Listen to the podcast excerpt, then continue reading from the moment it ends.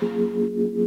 Radio laidų ciklas Praeities dulkės išsklaidžius. Alitaus kraštotyros muziejaus saugyklų lentynose snaudžia šimtas tūkstančių eksponatų. Kiekvienas iš jų turi savo istoriją. Įdomiausius eksponatus ketina prakalbinti juos augantis muziejininkai ir jų pašnekovai radio laidų cikle Praeities dulkės išsklaidžius. Kiekvieno mėnesio pirmąjį ketvirtadienį 13.10 FM99 eteryje.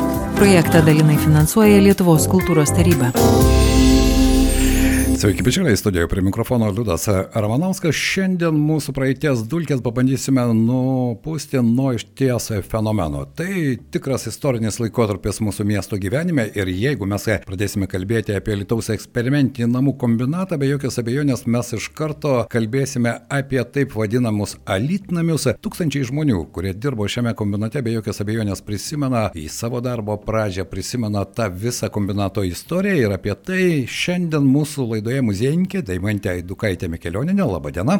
Labadiena. Taip pat mūsų studijoje menotyrininkas Kauno architektūrinių ekskursijų iniciatyvos ekskursas gidas Nerijus Babrauskas. Nerijus, labadiena. Sveiki, sveiki. Jūs netgi apsigynėte bakalauro baigiamąjį darbą, kurio tema būtent Alitaus eksperimentinio namų statybos kombinato produkcija, bet aš paprašysiu Daimantės trumpą įžangą į mūsų e, laidą padaryti. Aš ko gero dar norėčiau papildyti, kad iš tiesų namų statybos kombinatas yra susijęs su daugelio lytiškių nes čia dirbo daugiau kaip 5000 darbuotojų, o pati įmonė savo veiklą pradėjo 73 metais, kada buvo pirma produkcija pasirodžiusi, tai yra medžio plaušo plokštės, nuo pati ko gero žinomiausia, garsiausia Lietuvoje produkcija, tai buvo taip vadinami alytnamiai. Pirmasis jų buvo pastatytas Alytaus rajone, tai yra Nemunaičio miestelėje 76 metais. E, gegužės birželio mėnesį statyba truko apie 30 dienų, taigi jie tuo ir buvo populiarūs, ko gero, kad labai greitai e, naujakuriai galėjo keltis gyventi į savo namus. Na, o truputėlį įžanga į tai, kuo susijęs muziejus, e, konkrečiais artefaktais, tai yra muziejuje saugomas buvusio pirmojo kombinato vadovo rinkinys, jame saugomi jo perduoti beveik 400 eksponatų, gausiausia tai yra fotografijų, būtent e, įdomiausios jų ir yra. Užfiksuota pirmojo lytnamio statyba Nemunaityje. Ypatingas buvo ir atidarimas, e, kadangi buvo pakviestas e, kosmonautas į pirmojo atlytnamio atidarimą Valerijus Kubasovas na, direktorius pasižymėjo tuo savo inovatyvumu ir stengiasi visai sudominti, pritraukti ir tai irgi buvo toksai kaip atitinkamai triukas. Na, ne tik triukas, ko gero, ir dėmesį tam kombinatui čia ne tik tuometinė Lietuvos valdžia skiria, bet ir Maskvos valdžia, nes norint, kad kosmonautas atvažiuotų į Nemunaičio kaimą, ar ne, vis dėlto reikėjo įdėti pastangų, be jokios abejonės, ir tai buvo tikrai istorinis įvykis, aš prisimenu ir tuos žmonės, kurie pradėjo pradėjo ten dirbti ir čia galima pasakoti begalę istorijų, bet šiandien mes kalbėsime kiek kitų kampų, ar ne? Mes kalbėsime apie patį kombinatą, apie tuos architektūrinius sprendimus, nes alitnamis per mėnesį laiko gauti namą, nu tai buvo kažkas fenomenalaus tais laikais. Be abejo. E, pagal pirminius planus planuota, kad e, pirmaisiais, antraisiais metais jų bus statoma apie 3-4 tūkstančius netgi. Kiek tiksliai pastatyta litnamių nėra žinoma, tačiau yra tokių duomenų, kad 25 tūkstančiai paplito na po visą Respubliką ir už jos ribų. Taip, ne tik Lietuvoje buvo statomi, jie buvo vežami ir į Sovietų sąjungą. Taip, dar galėčiau pridėti, kad ir pats kosmonautas planavo įsigyti alitnamį ir tuo metu jisai te turėjo tūkstantį rublių ir statybų idėja, bet tų pinigėlių nepakako ir teko minties atsisakyti. Na, o pats Steponavičius buvo ne tik inovatyvus, bet ir labai atkaklus. E, na, tai irgi liudyja, kad pasikvietė ir būtent kosmonautą į pirmąjį atidarimą. E, atkaklus buvo dar ir dėl to, kad e, kai statė gamyklą, nusprendė, kad e, administracinėse patalpose kiekviename aukšte bus po dušą. Tai iš viso buvo suplanuota 16 dušų, tačiau čia jis palaiminimo negavo ir netgi kreipėsi į Borisą Jelciną, kuris tuo metu buvo TSRS valstybinio statybos komiteto na, aukščiausia ta galva, e, kad vis tik pavyktų jam tuos dušus įsirengti be jokių problemų. Na štai ir tų istorijų yra labai daug, bet su Nerijumi ir Deimantė mes šiandien pažvelgsime būtent į tą architektūrinį, tas bakalauro jūsų darbas, tad nebejoju, kad teko perversti ko gero tūkstančius archyvinių popierių ar ne, puslapių, piešinių ir kodėl jūs sudomino būtent te, ši tema? Nu tai pirmiausia, tai sakyčiau, kad uh, yra labai paprasta priežastis, labai tiesioginė ir labai sena, tai ta, kad mano seneliai gyvena tokiam name, Kaune, uh, ten tiesą sakant truputį netipinis atvejis, uh, nes alytnamiai uh, Aš nemėgstu, tiesą sakant, e, sakyti lytnami, mano darbe nerasit ne vieno karto paminėta to, to žodžio, nes aš kažkur tai paskaičiau, kad reiškia tiem buvusiam darbuotojam, tai čia yra kaip koks keiksmažodis, čia nemalonu. Ir man kažkaip taip tas visą laiką susidaręs įspūdis, kad ir turi tokią neigiamą konotaciją tas žodis, tai aš visą laiką sakau, kad tai yra skydiniai, e, surinkimiai skydiniai namai, eksperimentinio namų statybos kombinato produkcija.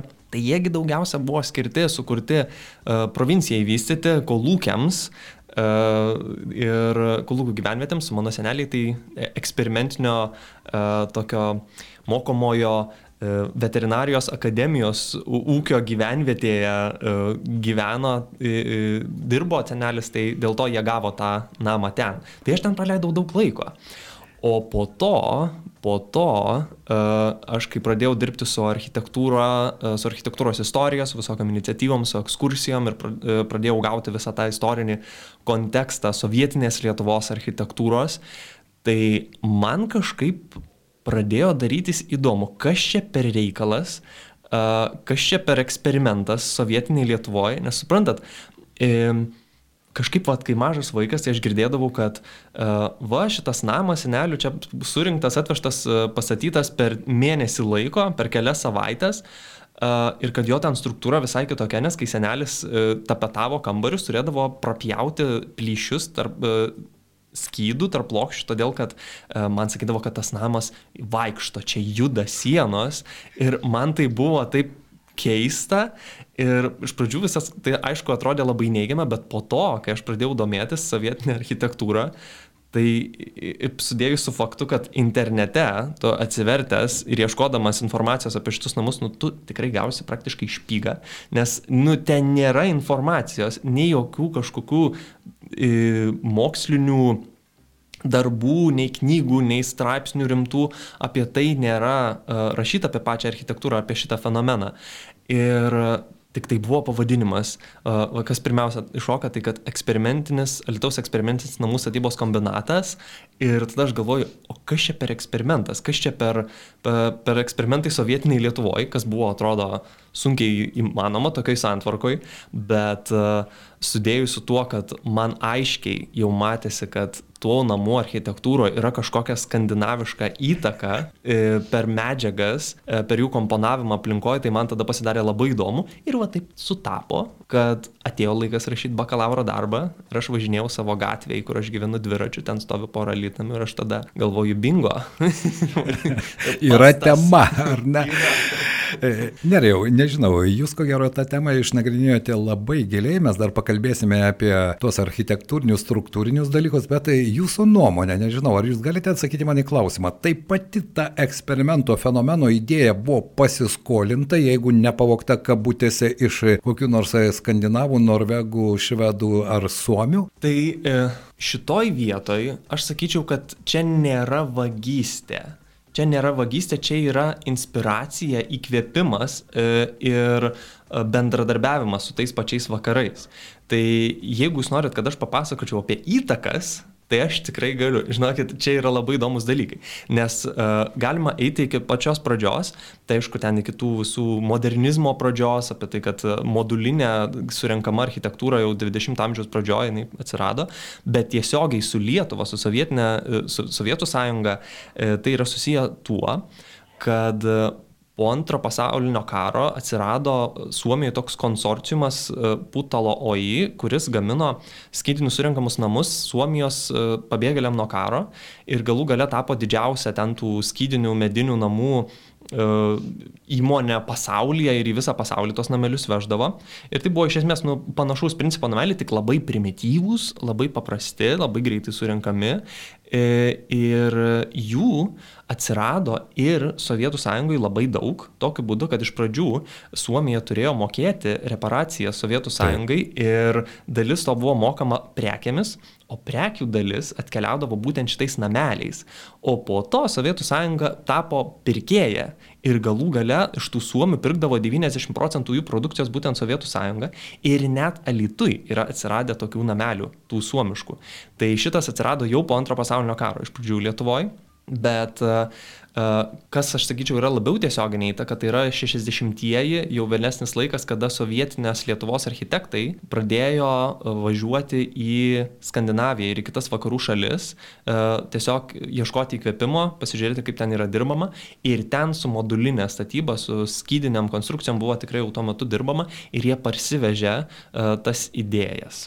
Ar galima pasakyti, nerijau, jog yra konkretus žmogus, kurį galime įvardinti kaip tos idėjos pagrindinį architektūrinį, na, sprendimų prieimėją, ar tą vienintelį žmogų, ar čia vis dėlto toks kolektyvinis neaiškus idėjos bendrautorių branduolys? Tai aišku, kad tai yra kolektyvinis darbas, bet vieną žmogų įvardinti galima. Nes branduolys šito projekto ir pagrindinis autorius yra Vygandas Raginis. Vygandas Raginis buvo inžinierius, architektas dirbantis Lietuvos statybos ir architektūros mokslinio tyrimo institute, kaip jis tuo metu vadinosi, tai dabar yra KTU architektūros ir statybos institutas, ir jis buvo pagrindinis autorius.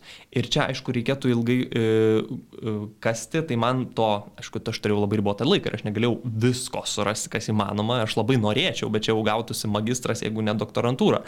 Tai e, surasti, ar pats Raginis buvo vieno iš tokių kelionių, tai didelė tikimybė, aš sakyčiau, mano spėjimas, kad tikrai buvo e, viena iš tokių kelionių ir jo ir buvo sukurta visa ta idėja šitų skydinų namų. Ir šitoje vietoje aš iš karto, kad būtų aiškiau kontekstas, pasakysiu vieną dalyką. E, šitiems skydiniams namams atsirado poreikis statyti dėl to, kad e, su Hruščiovo era, kada buvo labai stipriai atstraukta net kaime nuo galima sakyti, žemės ir buvo pradėti statyti daugiabučiai, ten ir blokiniai, ir mūriniai, ir tos sodybos visiškai dingo. Taip, atsirado kolūkin... gyvenvietės, tokios kolūkinės gyvenvietės. Tai, tose kolūkinėse gyvenvietėse atsirado daugiabučiai ir tai tapo visiškai, nu, žmogus, valstietis e, prarado ryšį su žeme, kaip ten rašė. Ir kitas dalykas, e, iš tikrųjų, tuose pagalbiniuose ūkiuose, kaip ten vadina, būdavo užauginama labai daug produkcijos, kur patys kolūkiečiai atskirai užaugindavo.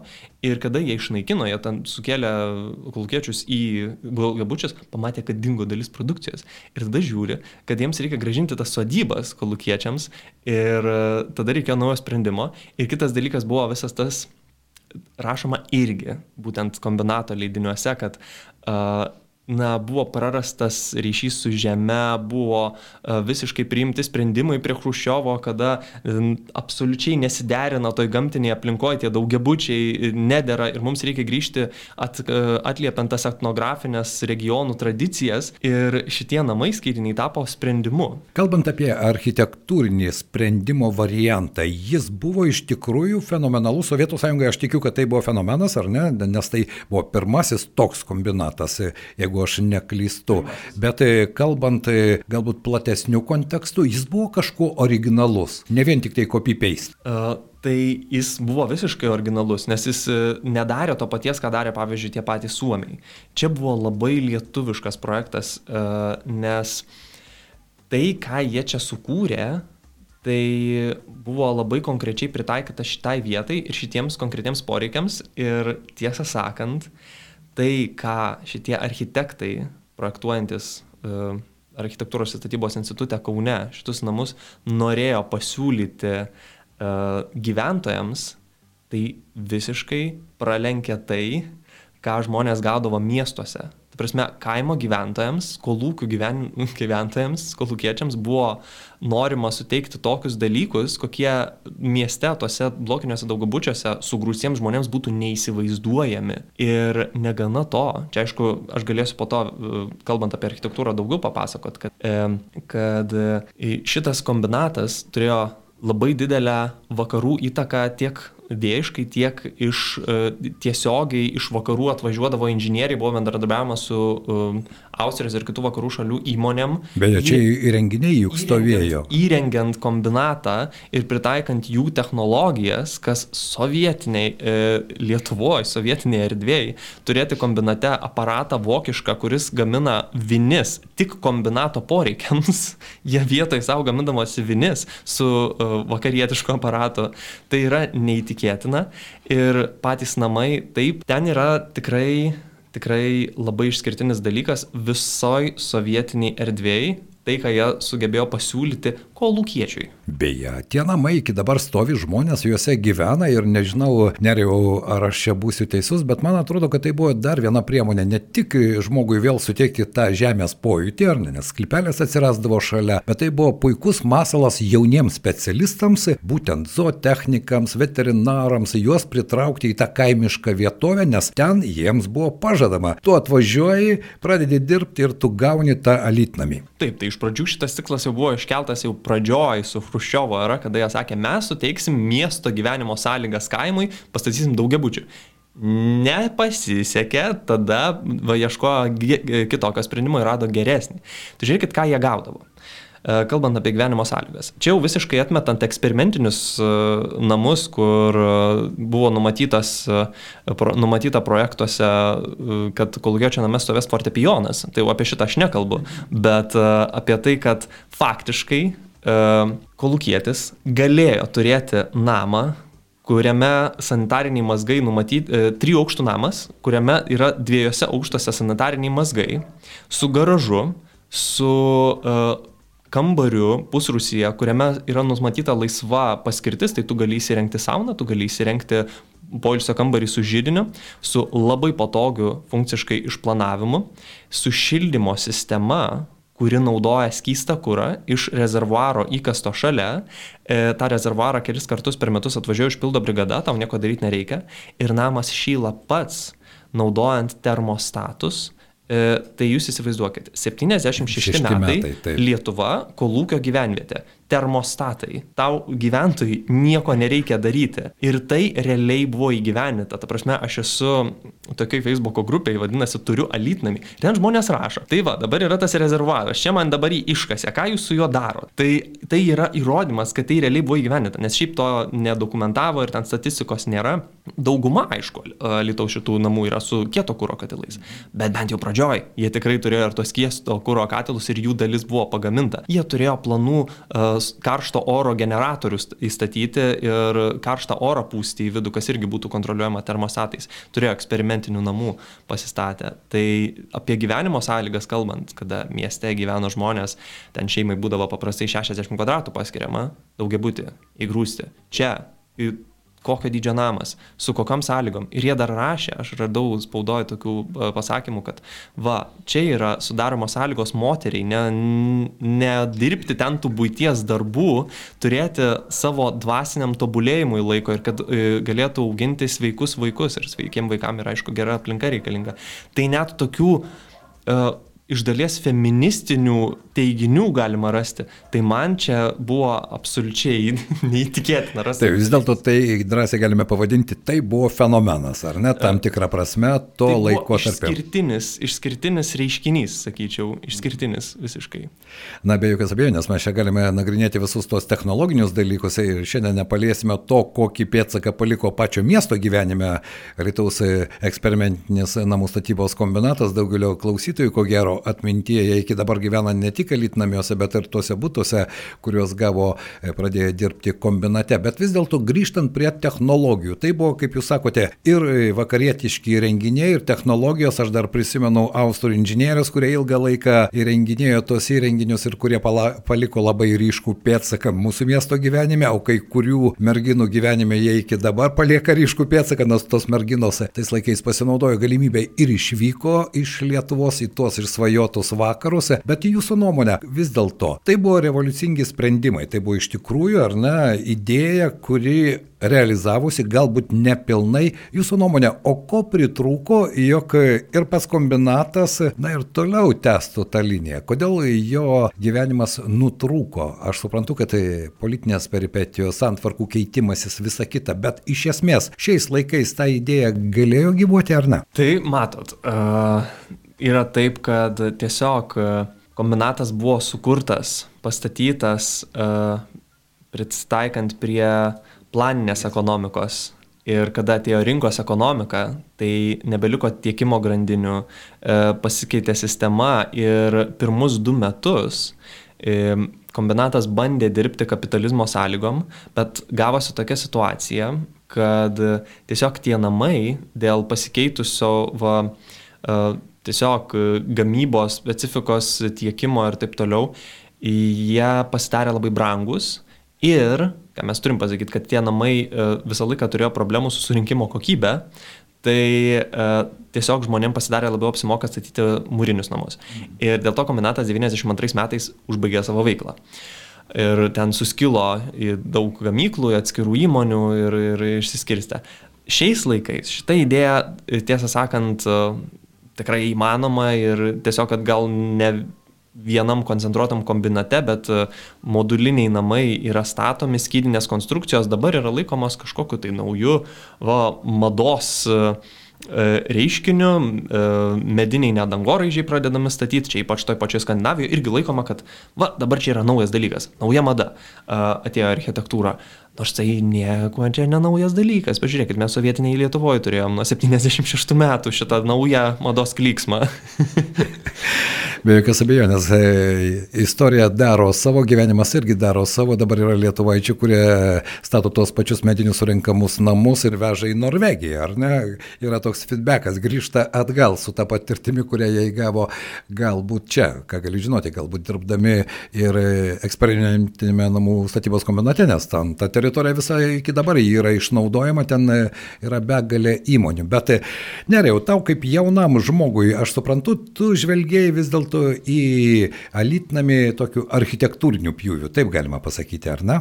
Taip, na, čia yra mano, e, gal sakyčiau, specializacija, nes e, aš šitą darbą ruošiau baigdamas e, meno istorijos ir kritikos studijas ir aš jį ruošiau, galiu sakyti tikrai, kad tas darbas yra pilnai na, tyrimas atliktas KTU architektūros ir statybos institute ir mano darbo vadovas buvo daktaras Vaidas Petrulis, jis yra architektūros istorikas, būtent tyriantis 20 amžiaus e, architektūrą e, Lietuvoje ir tai yra labai aiški specializacija ir būtent iš architektūros pusės, iš architektūros raiškos pusės man buvo įdomiausia prie to prieiti.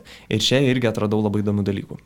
Dimante, ar Lietuvos kraštotyros muziejuje yra eksponatų, aš nebejoju, kad galbūt neriaus darbas vienokia ar kitokia forma irgi kada nors atsiras tarp eksponatų, bet ar kraštotyros muziejuje yra kažkokių artefaktų, kurie primena štai tokio kombinato gyvavimo metus Alituje? Galėčiau papildyti, kad Nerijaus darbas jau yra muziejaus mokslinėme archyve įtrauktas. E, eksponatų turime, tai kaip minėjau, Vladislavo Steponavičiaus rinkinyje ir tai daugiausiai yra fotografijos, kurios liudyja buvusį etapą. O jokių statybinių brėžinių, ten dar kažkokių technologinių dalykų, nieko tokio nebeliko turbūt, ar ne? Galbūt nerijų žinau. E, pačiam muziejui, tai tame rinkinyje ten yra nuotraukų ir nemažai nuotraukų. Aišku, ten daug tų nuotraukų yra, kur kombinato direktorius e, pasiima šito namelio nuotrauką ir kam nors kaip atviruką tenai dovanoja, tai ten tų to pačių nuotraukų tai ten labai daug. Bet yra ir pavyzdžiui šito e, Zenono Bulgakovo e, nuotraukų darytų e, tų namelių. Ir aš radau vieną labai e, vertingą pažymą, tai ten dar prieš statant kombinatą yra vienas iš dokumentų, kuriame išvardinta visa struktūra, E, kombinato, kas ten bus su skaičiais, tai šitas buvo labai vertingas dalykas, ką aš radau.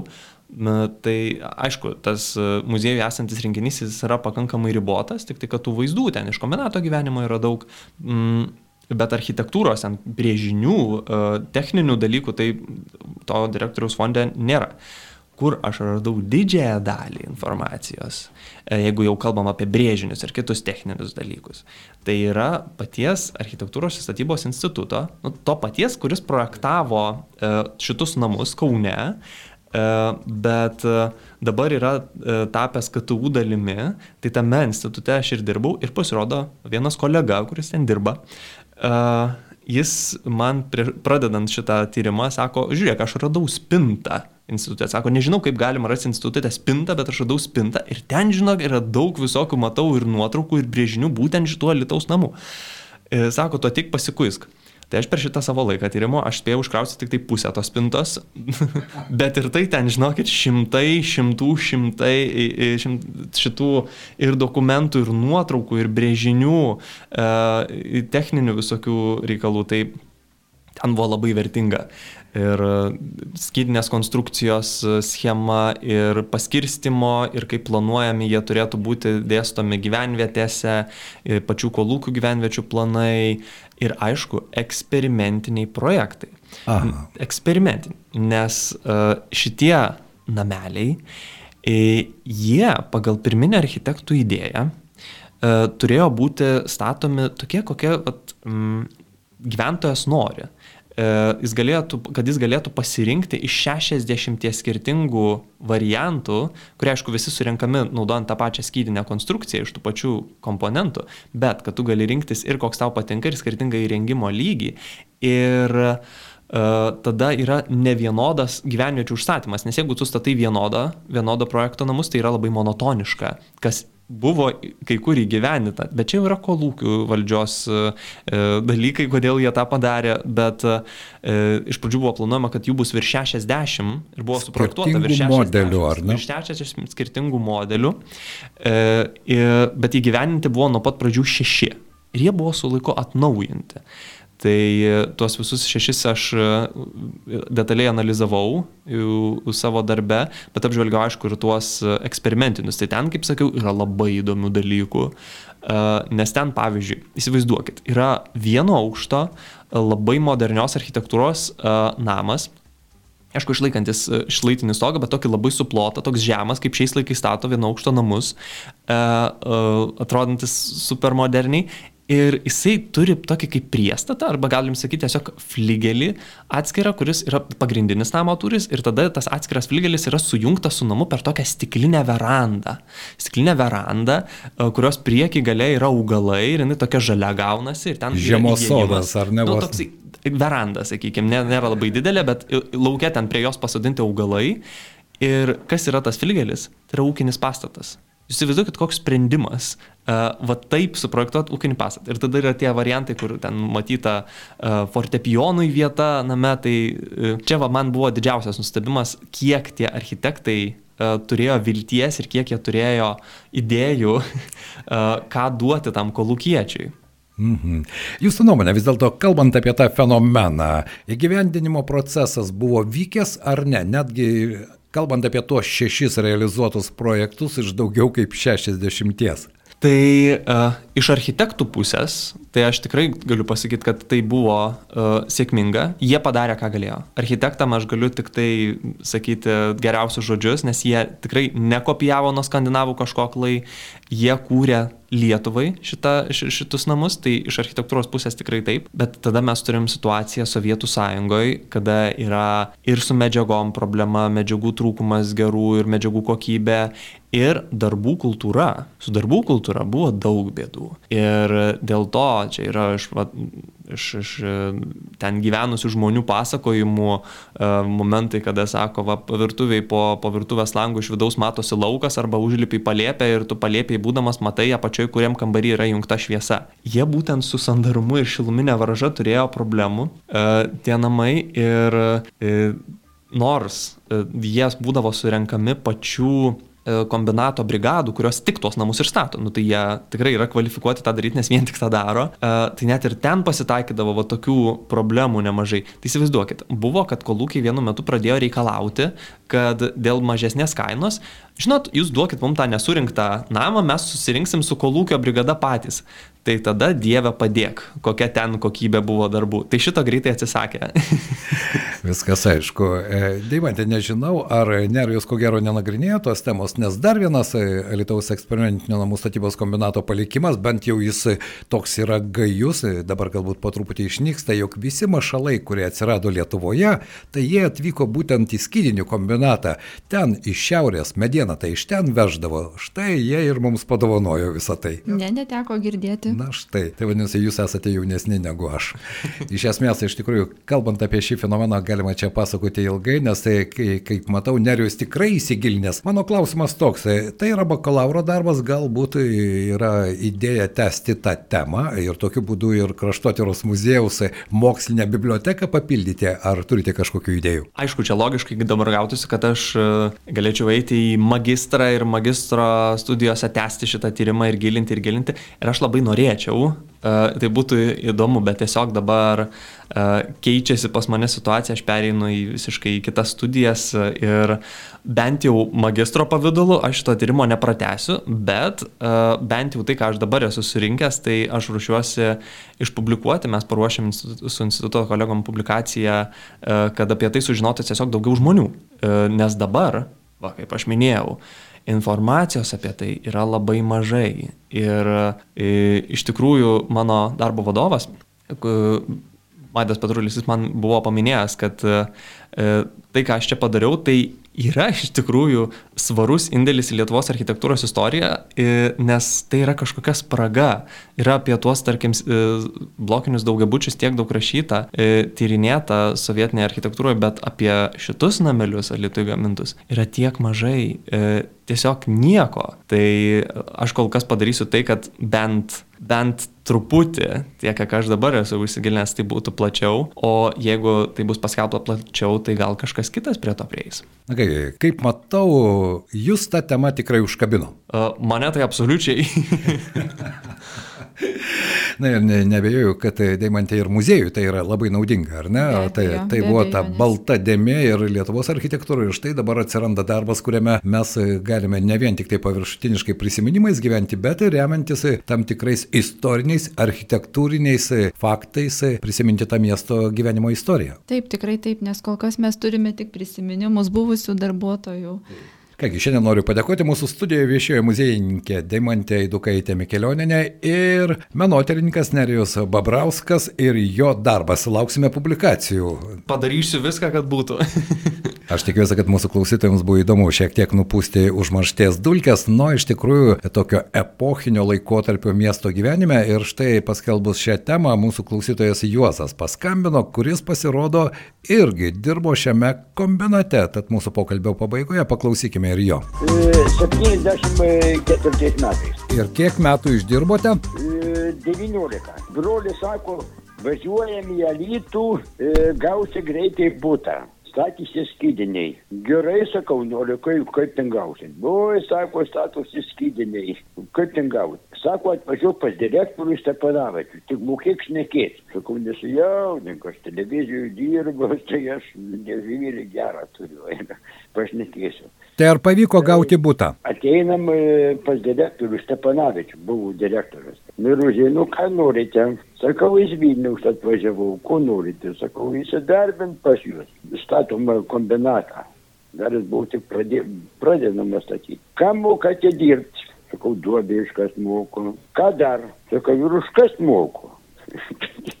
tai jis suspaudė dar senoviniai telefonai klaviatūrai suspaudė sekretorę, formink šitą žmogų. Sako, jis labai daug ką moka dirbti. Po keturių mėnesių jau man išskyrės. Gavau ir po šiai dienai gyvenu e, tam pačiam name, lūkų vienam. Radio laidų ciklas Praeities dulkės išsklaidžius. Alitaus kraštotyros muziejaus saugyklų lentynose snaudžia šimtas tūkstančių eksponatų. Kiekvienas iš jų turi savo istoriją. Įdomiausius eksponatus ketina prakalbinti juos augantis muziejininkai ir jų pašnekovai radio laidų cikle Praeities dulkės išsklaidžius. Kiekvieno mėnesio pirmąjį ketvirtadienį 13.10 FM99 eteryje. Projektą dalinai finansuoja Lietuvos kultūros taryba.